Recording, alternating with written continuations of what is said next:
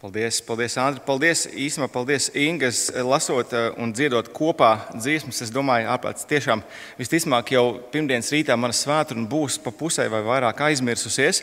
Bet, eh, ja gribas atcerēties dziesmas, kuras mēs šodien kopā dziedājām, perfekti atgādinās visu, par ko mēs šodien esam domājuši vai, vai domāsim. Tā kā ļoti labas dziesmas, paturiet lapiņas, brīnišķīgi.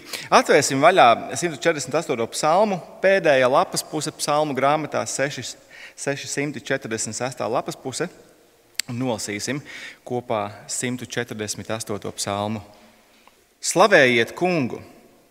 Slavējiet kungu debesīs, slavējiet viņu augstumos, slavējiet viņu visi viņa vēstneši, slavējiet viņu visi viņa pulki, slavējiet viņu saule un mēnesis, slavējiet viņu visas gaišās zvaigznes, slavējiet viņu debesu debesis, ūdeņi, kas virs debesīm. Lai tie slavē kunga vārdu, pēc viņa pavēles tie radīti. Viņš tos nolicis uz mūžiem, robežas devis, kas mūžam stāv. Slavējiet kungu jūs, kas virs zemes, jūras puķi un visas dzelmes, zibens un krusas sniegs un migla viesuļu vējš, kas viņam klausa, kalni un pakalni, augļu koki un ciedri, zvēri un lopi, rāpuļi un spārnainie putni. Zemes ķēniņi un visas ciltis, augstmaņi un varasvīri, un jaunekļi un jaunavas un veči un bērni, lai tie slavē kunga vārdu, jo tik augstu ir vien viņa vārds un viņa diženums pār zemi un debesīm. Viņš saslēdz ragu savai tautai, par slavu visiem saviem svētajiem, Izraēla dēliem, tautai, kas tam tuvu. Slavējiet kungu! Lūksim, pirms mēs vairāk domājam par to, uz ko mūsu psalmi šajā dienā mudina. Lūksim! Labais dabas tēvs no sirds!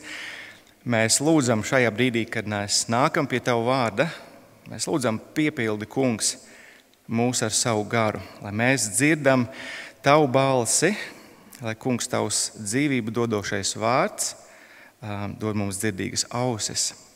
Lai kungs mūsu prāts ir mošs, lai mūsu sirds ir mīksta, kurā Tavs vārds iemājo un paliek. Un, kungs stiprini ar savu garu arī mūsu gribu Tavā vārdā palikt un palikt izdzīvot to.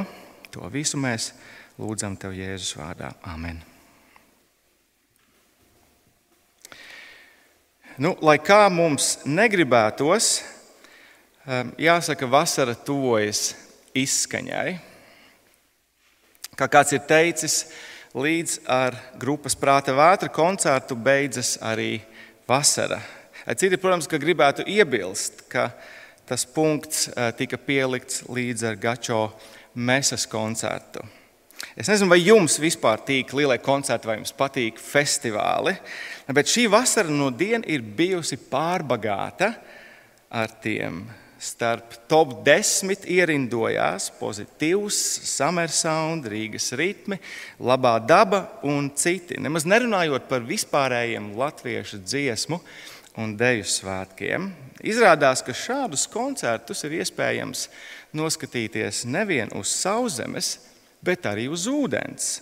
Piemēram, koncerts laivā uz Juglas ezera ūdeņiem. Nu, man personiski vakars uz ezera nešķiet pārāk pievilcīga doma, bet mēs esam dažādi. Proti, es nezinu, vai jums patīk lielie koncerti, vai jums patīk festivāli, bet jāatzīst, ka tur ir kaut kas, Ja jau cilvēki straumēm plūst uz tiem, instrumentu radītās skaņas, ritmi kopā ar vārdiem, tie atstāja ļoti lielu ietekmi uz mūsu iekšējo cilvēku. Tie liek uh, mums uh, darīt dažādas lietas. Mainās mūsu uzvedība, autori un izpildītāji. Viņi panāk, ka mēs plaudējam pareizi ceļam gaisā rokas, velkam ārā telefonus ar mirgojošajām gaismiņām, un mēs mājam ar tiem. Citiem vārdiem sakot, mēs slavējam. Un, un ar mēs es nedomāju tieši mūsu šeit, vai, vai obligāti kristiešus šeit, bet cilvēkus vispār. Vienā pasākumā aizvadītajā nedēļā es, es um, satiku kādu senu paziņu un sapacējos, kā, kā viņai bija šī vasara. Viņa paspēja atpūsties, uz ko viņa atbildēja, ka nu, it kā jā, jo viņa ir bijusi uz visiem iespējamiem lielajiem mūzikas festivāliem šajā vasarā. Ja arī viņa slavēja. Mēs visi slavējam, jo instrumentu radītās skaņas, ritmi kopā ar vārdiem, tie mudina mūs apbrīnot un slavēt ja, mūziķu talantu, daļradi un tā tālāk. Un redziet, mūsu psalms šajā pēcpusdienā ir tieši šāda dziesma. Tās autors uzstājīgi aicina, nu, dien jūs ievērojāt pavēlu, visus visur pievienoties garīgās mūzikas festivālam, pacelt rokas ar vai bez spīdošiem telefoniem un slavēt. Tiesa slavēt nevis cilvēku autorus, nu, piemēram, ķēniņu Dāvidu vai Koraha dēlus vai kādu citu, bet īsteno autoru, radītāju un glabēju Dievu. Vai tu pievienosies šim debesu mūzikas festivālam, vai tu slavēsi Dievu? Tāds, manuprāt, ir šodienas jautājums. Tas ir, tas ir šodienas psalma izaicinājums. Vai tu to darīsi, vai mēs to darīsim? Un pirms mēs pievēršamies mūsu psalmam, es pavisam īsi gribēju par šo izaicinājumu pievienoties debesu garīgās mūzikas festivālam. Es domāju, ka ir viegli pieiet šim psalmam ar tādu pārprastu uzvaras garšu. Godīgi sakot, mūsu pievienošanās visas radības eh, slavēšanas ansamblim, ja godīgi ir apgrūtināta, to apgrūtina pati radība. Kāpēc? Jo tas, ko mēs piedzīvojam, ka radība vairs nemuzicē harmoniskā debesu simfonijā, Nu, iedomājies, kā tu tiešām vēlies pielikt e, šai skaistajai vasarai punktu, apmeklējot, vai tu to grasies darīt, apmeklējot prāta vētras koncertu liepā. Ja tu sagaidi šo emocionālo piedzīvojumu, ko rada kvalitatīva performance, taču tajā vietā tu piedzīvo kaut ko citu. Pavisam negaidot, tu piedzirdi, kā kaupera balss sāk čerkstēt, jubaltas stīgas sāk plīst, un, un roga pie bungām aiziet pilnīgā rosolā, un tu nesaproti, kas notiek. Tā kā apskaņošanas vīrs šajā brīdī vairs neko nevar izdarīt, jo mēs taču nesam vairs studijā. Cik neizdevies būtu šāds slavēšanas koncerts pareizi? Un līdzīgi ir ar mūsu pievienošanos radības slavas ansamblim. Mēs vairs neesam ēdenes dārzā. Mums ir jāatcerās, ka arī radība pēc grēkā krišanas ir zem lāsta, kā mēs jau dziedājām. Tā, sag, tā sagādās mums, tā sagādās cilvēkiem ciešanas šajā pasaulē, sāpes un tādējādi tā apgrūtina dieva slavēšanu. Mēs tieši vakardienas draudzes dienā ar kādu runājām par, par, par to, kā dažas ģimenes bija tieši pie jūras teltī, vienā no pirmajām lielajām vētrām mūsu, mūsu zemē. Mēs, mēs visu, ko pārnājām, visādas sajūtas un pieredzes, bet slavēšana nebija starp tām. Kāpēc? Tieši šī iemesla pēc. Un, un tad otrs tad ir mūsu pašu grēcīgums, mūsu paštaisnums un sautīgums bieži apslāpē mūsu spēju ieraudzīt dieva godības slavu radībā. Viņa majestātiskumu, viņa varu, viņa spēku. Mēs kļūstam tik lieli, bet radītājs kļūst tik mazs. Bet neskatoties uz šiem abiem, uz salauzto radību dabu, zem lāsta, uz mums pašiem, Neskatoties uz to, 148. psalms mums visiem pavēl šodien slavēt Dievu. Jo redziet, Dievs ir pagādājis risinājumu kritušajai un zem lāsta esošajai pasaulē. Dievs ir mūsu glābējs. Un tad no šādu pārliecību pievienosimies, pievienosimies visas radības slavas ansamblim, kā, uz, kā mūsu to mudina uh, psalma autors. Tas sākas un beidzas ar šo vārdu, uh, oriģinālā um, aleluja, kas, kas burtiski nozīmē slavējiet. Slavējiet kungu mūsu tulkojumā. Un, un vārds visi ir ietverts ir ietverts, ja, ja ne burtiski rakstīts, te visā, te katrā rindiņā. Un pirmkārt, mēs ieraugām pirmajos sešos pantos eh, slavas mērogu, eh, pirmajos 14 pantos mēs ieraugām slavas mērogu. Eh, tas ir neaptverams. Visi visur. Slavējiet visi debesīs, pirmie seši panti. Slavējiet visi uz zemes, tālāk 7. līdz 14. pants. Varants, neaptverams slavas mērogs. Un otrkārt, šajā pēcpusdienā Dieva slavas iemesls.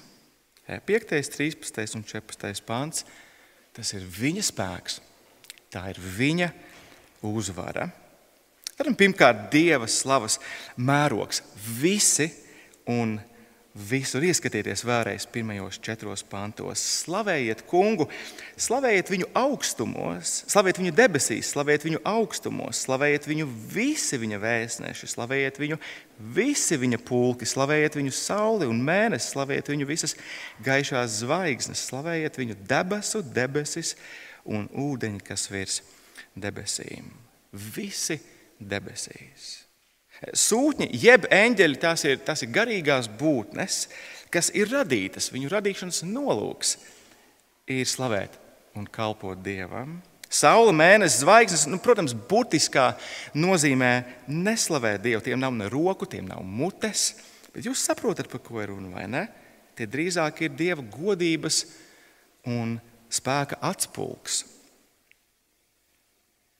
Mēs dievkalpojumu izskaņā dziedāsim šo dziesmu. Ja jūs gribat pēdējā dziesmā ieskatīties, mēs to redzam. Pār zemi un jūrām un debesīm Dievs spēcīgs un varants to atklājies. Kā? Ziemas bargai augstumā, kad viss zied, visa radība vienojas dziesmā, kad dzied. Viss, visur. Psalma autors pavēl apbrīnā slavēt Dievu visai radībai debesīs bet no 7. panta arī virs zemes. Slavējiet kungu, jūs, kas virs zemes, jūras puķi un visas dzelmes, zibens un krusa, sniegs un migla, viesuļvējš, kas viņam klausa, kalni un pakalni, augļu koki un ciedri, zvēri un rāpuļi, lopi un spārnainie putni. Zemes ķēniņi un visas ciltis, augstmaņi un varas vīri, un jaunekļi un jaunavas un veči un bērni. Visi uz zemes. Sākot ar vaļiem, beidzot ar vabolēm, sākot ar valdniekiem, beidzot ar vienkāršiem ļaudīm. Maziem un lieliem, visiem. Psalmis saka, ir jāteic kunga vārds. Un, ja mēs tā padomājam, nu, kas kas tad viņiem visiem būtu tik kopīgs? Nu, nu, kas ir kopīgs eņģeļiem ar, ar reņģiem? Kas ir kopīgs goviem ar, ar galaktikām zvaigžņu? Kas kopīgs ir krusai ar meža zvēriem? Vai valdniekiem ar vienkāršiem ļaudīm? Nu, kas viņam ir kopīgs? Kad tu pēdējo reizi brauci vienā liftā ar levitu, vai kad tu pēdējo reizi ogoji vienā silā ar siliņu? Nu, kad tas bija pēdējo reizi? Atbildēji, laikam, nekad. nekad. Kas ir kopīgs? Taču šeit lūk, ir viens visu radību vienojošs ansamblis ar vienu mērķi - slavēt Dievu vārdu.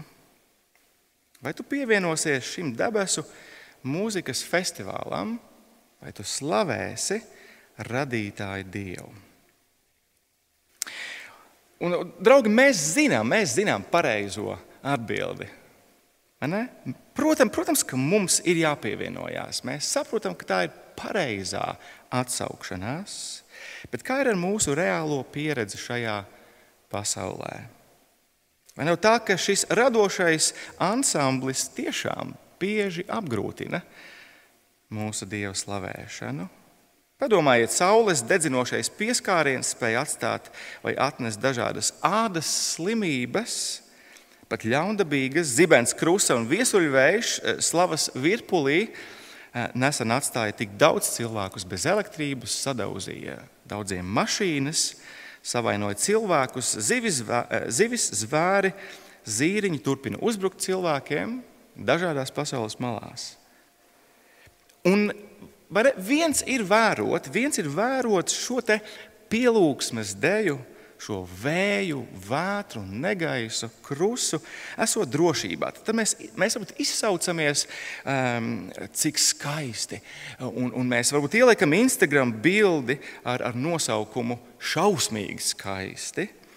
Bet kaut kas pavisam cits ir būt šīs eh, disonējošās simfonijas epicentrā pirms pāris nedēļām Latvijā plosījās šī trakā vētra, viena mūsu radu ģimene bija mašīnā ceļā uz kaut kurieni. Un zibens un pērkona vētra bija tik baisa, ka viņi, protams, stājās ceļa malā, jo viņi nevarēja pabraukt. Un, ziniet, tai vietā, lai apbrīnās slavētu radītāju Dievu, viņu pusauģu meitenes stundu no vietas skaļā balsī raudāja, jo es domāju, ka viņi domāja, ka viņi mirs. Ir brīži, kad mēģinot aptvert radības skaistumu un dažādību, jā, mēs no dienas izsaucamies skaisti, pat neaptverami skaisti.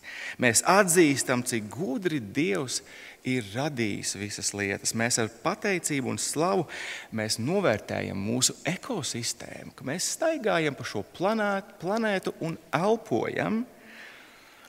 Un mēs, uh, mēs, mēs domājam, cik apbrīnojami ir tas, ka visas šīs lietas darbojās pareizi un kārtīgi, ka mūsu eksistence šeit var turpināties. Tas ir, tas ir fantastiski.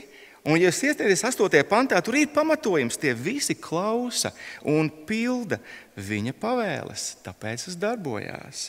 Un mēs slavējam Dievu. Bet tajā pašā laikā ir šie brīži, kad ja, kā aizvadītais mēnesis atsevišķos posmos, kad vesela lietus un vētras sezona pārsteidz tik daudz cilvēku Eiropā. Tostarp arī mūsu brāļus un māsas Serbijā, kuriem mēs sūtījām palīdzības dāvanas, kas pārsteidz mūsu pašu iedzīvotājus. Tādos brīžos mēs izsaucamies drīzāk šausmīgi. Nu, šausmīgi. Un tā mēs piedzīvojam, ka radība aizēno mūsu dieva slavēšanu. Kā lai, mēs, kā lai mēs attiecamies pret to, kad mēs domājam par to, ko pavēl Dieva vārds, un, un kā mēs jūtamies un ko mēs piedzīvojam šajā pasaulē? Kā lai mēs attiecamies pret to? Un, un manuprāt, jaunā derība palīdz mums, un apustulis Pāvils mums palīdz šajā brīdī. Tā vietā, lai domātu, ka visa radība kopā ar Dievu ir kaut kā, kaut kā sadumpojušies pret cilvēkiem šeit, vai soda mūs kaut kāda nesaprotama iemesla dēļ, Pāvils palīdz mums ieraudzīt, ka mēs visi kopā esam vienā laivā. Un šī laiva dodas iepratim godībai, dodas iepratim brīvībai, Varbūt uzšķiet, uzšķiet kopā ar mani romiešiem vēstuli. Eh, izlasīsim kopā šos dažus pantus. Eh, to ir vērts ieraudzīt. Vēstule romiešiem 8. nodaļa, 18. līdz 23. pants. Romiešiem 8. nodaļa, 18. līdz 23. pāns. Lūk, ko Pāvils saka. Es domāju, ka šī laika ciešanas ir nenozīmīgas tās nākamās godības priekšā, kas mums tiks atklāta. Arī visa radība ilgodamās gaida, kad Dieva dēli atklāsies godībā. Jo radība ir pakļauta nīcībai nevis labprātīgi, bet pēc tās pakļāvēja gribas. Un tā ir cerība, ka tā no iznīcības verdzības tiks atbrīvota Dieva bērnu godības pilnai brīvībai.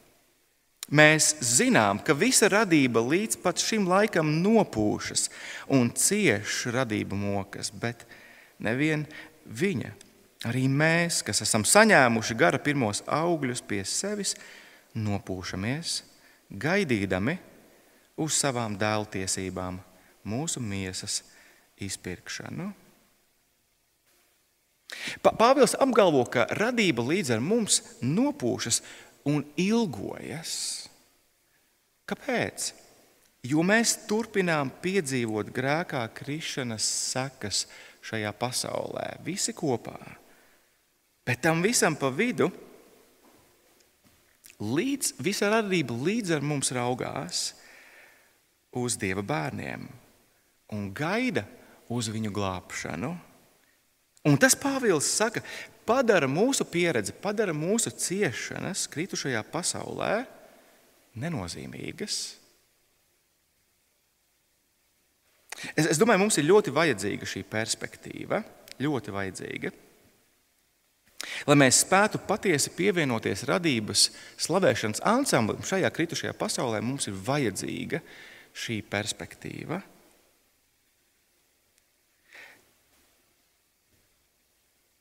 Jā, pat tad, kad mums vai mūsu mīļajiem iet slikti, pat tad, kad notiek šausmīgas lietas, kad saule D vitamīna vietā atnes ādas vēzi, kad suns sargāšanas vietā sakož bērnu, kad krusta iznīcina mūsu mašīnu vai siltumnīcu, kad viesuļvētra uzgāž koku mūsu mājai, kad ūdensplūdi iznīcina visu mūsu iedzīvi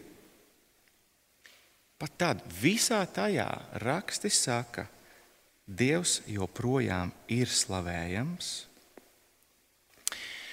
Taču psalmis viņš tā kā neizgriež mums roku. Bībele, Bībele nepieprasa no mums tādu nepamatotu, tādu nesaprotamu slavu. Mūsu Dieva slava balstās šajā pareizajā perspektīvā, jo mēs zinām īsto galamērķi. Vēlreiz visa radība un cilvēki gaida uz atbrīvošanu, gaida uz glābšanu. Tas ir tas, kur mēs virzāmies. Tāpēc psalma autors nevien pavēl visus visur slavēt Dievu, bet arī piedāvā pamatojumu, dod iemeslus. Dievam pienākas slava no visiem visur, jo caur to parādās Dieva diženums pār zemi un debesīm. Lūk, arī otrkārt Dieva slavas iemesls. Pavisam īsi ieskatieties 5. un 13. pantā, jo īstenībā 5. pantā ir jābūt vārdiņam, jo. Lai tie visi slavē kunga vārdu, jo pēc viņa pavēles tie radīti. Lai tie slavē kunga vārdu, jo tik augstu, 13. pants, vien viņa vārds, viņa diženums pār zemi un debesīm. Psalmis saka, ka galaktiku radīšana mums pasaka par Dievu un Viņa varano spēku. Vairāk nekā mēs vispār spējam jebkad aptvērt. Zeme un tās ekosistēmas radīšana pauž nu, Dieva neaptveramo gudrību, un cilvēku radīšana mums atklāja Dieva apbrīnojamo pazemību un mīlestību. Bet psalmis uztver vēl kaut ko. Dieva spēks un vara parādās nevien tajā, ka viņš ir visu radījis, bet tajā, ka viņš to visu joprojām uztur. Dievs nav radījis pasauli un atstājis to novārtā. Jūs zināt, kā, kā pulksteņa meistars, viņš, viņš uztaisa, izveido visu, uztaisa mehānismu, palaiž, nu, tad aiziet, ķerās pie nākamā projekta. Nē, Dievs joprojām saskaņā ar rakstiem ir aktīvs visos radības procesos. Ja, kā to atgādina vēlreiz? 8. pants, tie visi pilda viņa vārdu. Patīk vecais tulkojums šeit. Tie visi pilda viņa vārdu. Un tas nozīmē, draugi, ka Dievs kontrolē. Dievs kontrolē šodien, ko dara viesuļvētra. Dievs kontrolē šodien, ko dara krusa, plēsīgais zvērs vai zivis jūrā. Pat tad, kad mums šķiet, ka viss ir aizgājis vai izgājis ārpus rāmjiem, mēs zinām, Dievs joprojām ir to uztur kā radītājs. Un es domāju, ka šis apgalvojums, protams, atkal rada vairāk jautājumu, nekā dod mums šajā brīdī atbilžu. Piemēram, ja Dievs joprojām kontrolē visus tā saucamos dabas procesus, un šo procesu rezultātā cieši cilvēki, un Dievs to pieļauj, viņš vai nu nav labs, vai arī tomēr viņš nekontrolē pilnīgi visu. Un, draugi, mēs šodien neaplūkosim šo jautājumu, bet es tikai gribu vēlreiz atgādināt mums šo vienu svarīgo lietu. Domājot par šīm, šiem lielajiem jautājumiem, mums vajag pareizu izējas punktu, mums vajag pareizu galamērķi. Izējas punkts Dievs ir visu varants un viņš ir labs. Tam ir jābūt mūsu izējas punktam. un Dievam ir risinājums šai salauztajai pasaulē. Uz to psalmis norāda mums psalma pēdējos divos pantos.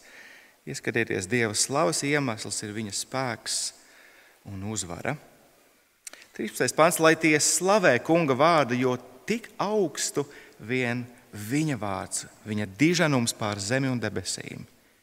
Viņš saslēdz ragu savai tautai par slavu visiem saviem svētajiem, Izraēla dēliem, tautai, kas tam tuvu.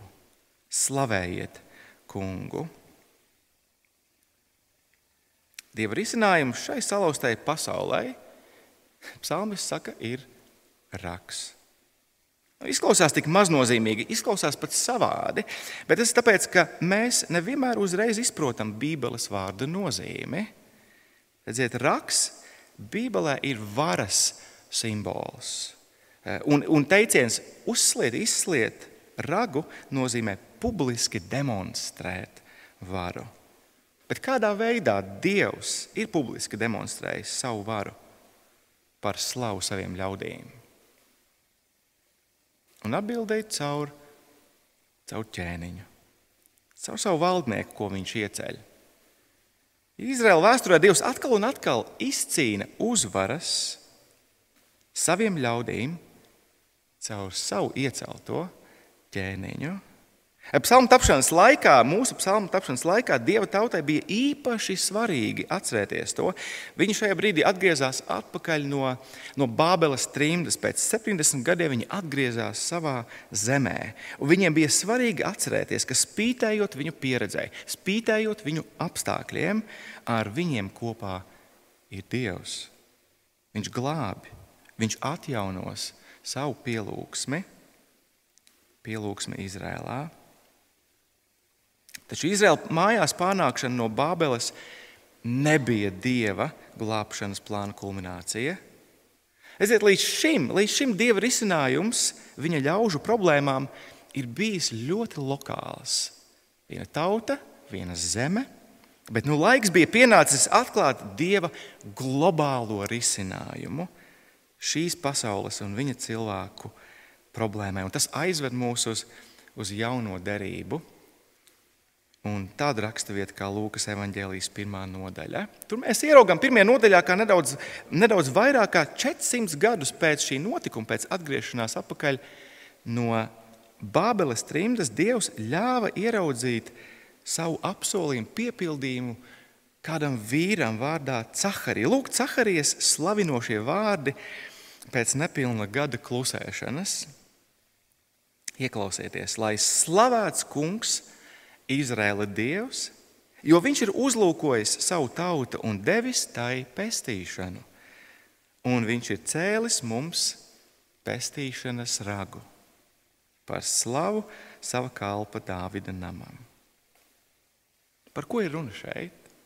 Caharijas slavē Dievu par viņa glābšanas apsolījumu piepildīšanos, bet kas ir šis pestīšanas raksts? Caharija runā par Jēzu. Caharija runā par Jēzu, kurš būs tas valdnieks, kurš vērsīs visas lietas par labu.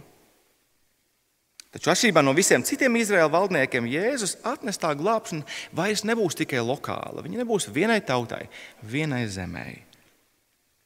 Nedz arī šī glābšana tika paredzēta no tūlītējiem ienaidniekiem, piemēram, romiešiem tajā laikā. Nē, ķēniņš Jēzus atnes daudz lielāku un daudz varenāku glābšanu. Viņš nāk, lai atjaunotu perfektas attiecības Dieva un visas radības starpā. Jā, draugi, pirmkārt, visas radības starpā. Es zinu, ka mēs visi esam pazīstami ar dažādiem jaunās derības stāstiem. Mēs esam studējuši nu, jau trīs, divus vai trīs evaņģēlijus. Bet padomājiet par šo tik, tik labi zināmo stāstu, kā Jēzus ar mācekļiem vētrā piedzīvot radības slavēšanas ansambli. Disonējošu simfoniju. Mācekļi domā, ka viņi nomirs. Viņi saka, vai tev nerūp, ka mēs mirstam? Un kas notiek tālāk? Ko dara ķēniņš Jēzus? Divi vārdi - klusu mierā. Un mēs redzam, piepildās 8. pāns. Tie visi viņam klausa. Ūdens bija pilnīgi kluss. Un, un tas, draugi, vēlreiz kopā ar Pāvilu romiešos, tas vēlreiz liek mums atcerēties, domāt, ticēt, cerēt, ka pienāks tā diena, kad visa radība tiešām atjaunotā godībā atkal darbosies tā, kā tai jādarbojas. Tā nebūs draudoša, tā nebūs apdraudoša, tā nebūs iznīcinoša. Pilnīgā harmonijā un paklausībā tā slavēs savu radītāju jaunajā pasaulē, savu glābēju jaunajā pasaulē. Bet līdz tam brīdim radība nopūšas, līdz tam brīdim radība cieš, līdz tam brīdim radība sagādā ciešanas. Un tā raugās uz mūsu Dieva dēlu, Dieva bērnu glābšanu. Jo redziet, Dieva atjaun, Jēzus atjaunoša darba centrā ir tieši šis viņa ļaužu, viņa cilvēku glābšana. Nododot savu miesu un izlējot savas asinis pie krusta, Jēzus atjauno attiecības starp Dievu un cilvēkiem. Jēzus paņem uz sevi šis vārds lāsts. Jēzus paņem uz sevi šo lāstu, viņš kļūst par lāstu. Lāstu, kas gulstas uz visas radības pēc kā, kā krišanas, uz visiem cilvēkiem. Un viņš ir šis ķēniņš, kurš atnes pestīšanas atziņu uz grēku piedošanu mūsu dieva sirsnīgās žēlastības dēļ. Vai tas nav pietiekams iemesls, lai slavētu kungu? Jauni, veci, mazi, lieli bērni, dārznieki, bērnu dārznieki, skolnieki, skolotāji, studenti, darbinieki, darba devēji, ministri, prezidenti, visi. Psalmists saka, slavējiet Dievu. Iedomājieties, kas tas būtu par skatu? Cilvēki no visām tautām, zemēm, valodām,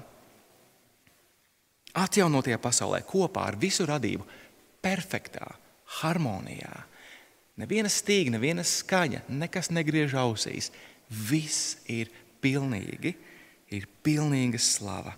Debesu vispārējie dziesmu un deju svēki, kādus mēs nekad nespējam iedomāties. Kas tas būtu par skatu? Visi slavē radītāju un glābēju Dievu. Un jēru, kas tapa nokauts, bet ir dzīvs.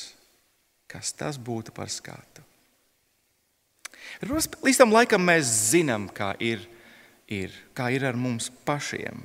Reizi. Tik bieži, tik bieži reālajā dzīvē, mūsu ikdienā mēs gribam, ka, ka visi visur drīzāk to slavas dziesmu dziedātu man. Nu man. Protams, mēs neesam varbūt tik vulgāri. Mēs, mēs, mēs, neesam, mēs neuzprasāmies uz šo publisko slavu, kā to dažkārt sociālos tīklos dara eh, labi zināmais eh, Gobzema kungs. Pēdējais no viņa ir: es atgriežos, nav variantu.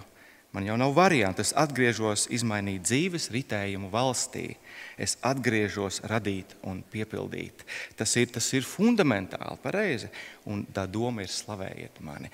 Mēs tā varbūt nedaram, ne, mēs tā nedaram, nerakstam sociālajos tīklos. Tomēr, tomēr mūsu sautīgums un pašcentētība pamanās. Viņi pamanās ielīst tādos, tādos smalkos veidos, Jā, mūsu mājas dzīvēm mūsu laulībā. Visiem ir vai nu jādejo, vai jāstaigā uz pirkstiem man apkārt.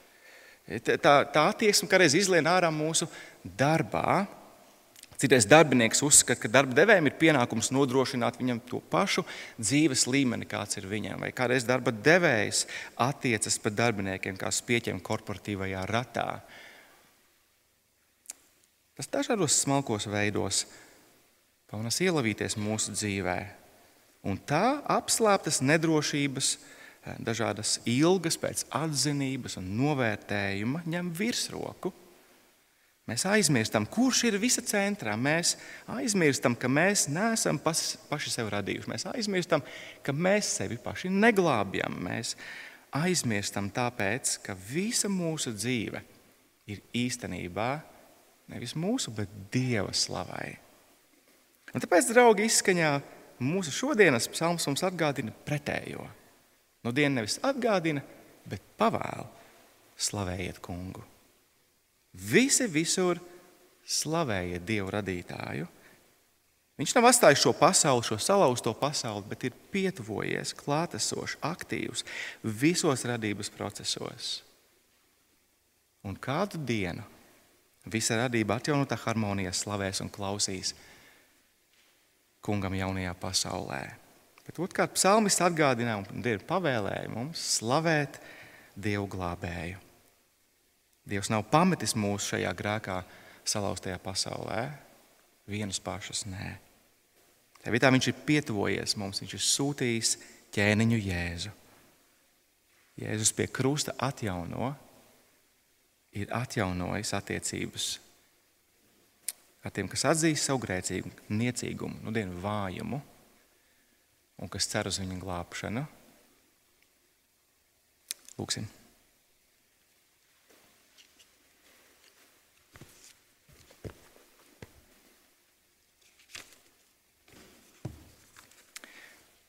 Man ir labais dabas tēvs, kad, kad tavs vārds mums skaidri pavēl ieraudzīt eh, tavu um, dabu, tavu raksturu, tavu godības slavu, varenību, tavu uzvaru. Tas reizē, kungs, mūs konfrontē. Tas konfrontē